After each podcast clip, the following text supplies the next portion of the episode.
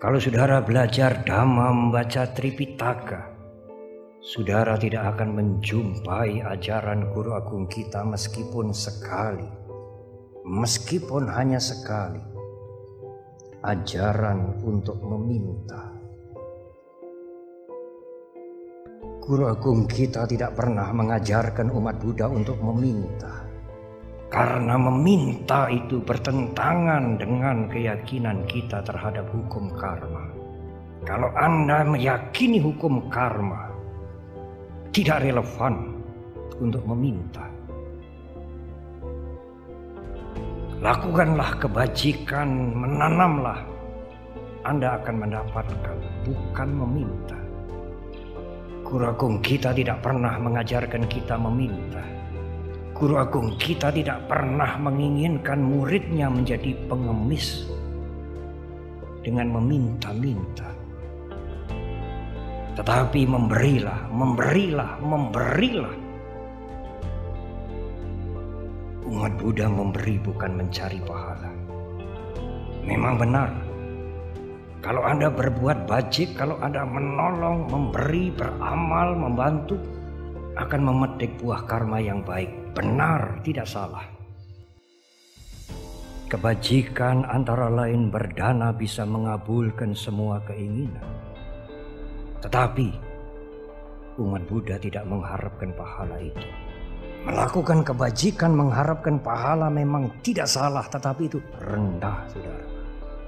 Kelas rendah. Guru Agung kita mengajarkan berdanalah untuk tujuan yang lebih tinggi berdana untuk membersihkan kotoran batin. Penderitaan itu tidak banyak berkurang karena saudara mendapatkan banyak pahala. Penderitaan tidak bisa diselesaikan dengan pahala-pahala. Pahala-pahala hanya menutupi penderitaan tidak menyelesaikan penderitaan. Tetapi kalau saudara berdana untuk membersihkan kotoran batin, mengurangi keserakahan, iri hati, kebencian, dendam, berdana untuk mengurangi keakuan, kecongkaan, kesombongan, berdana untuk mengurangi kilesa,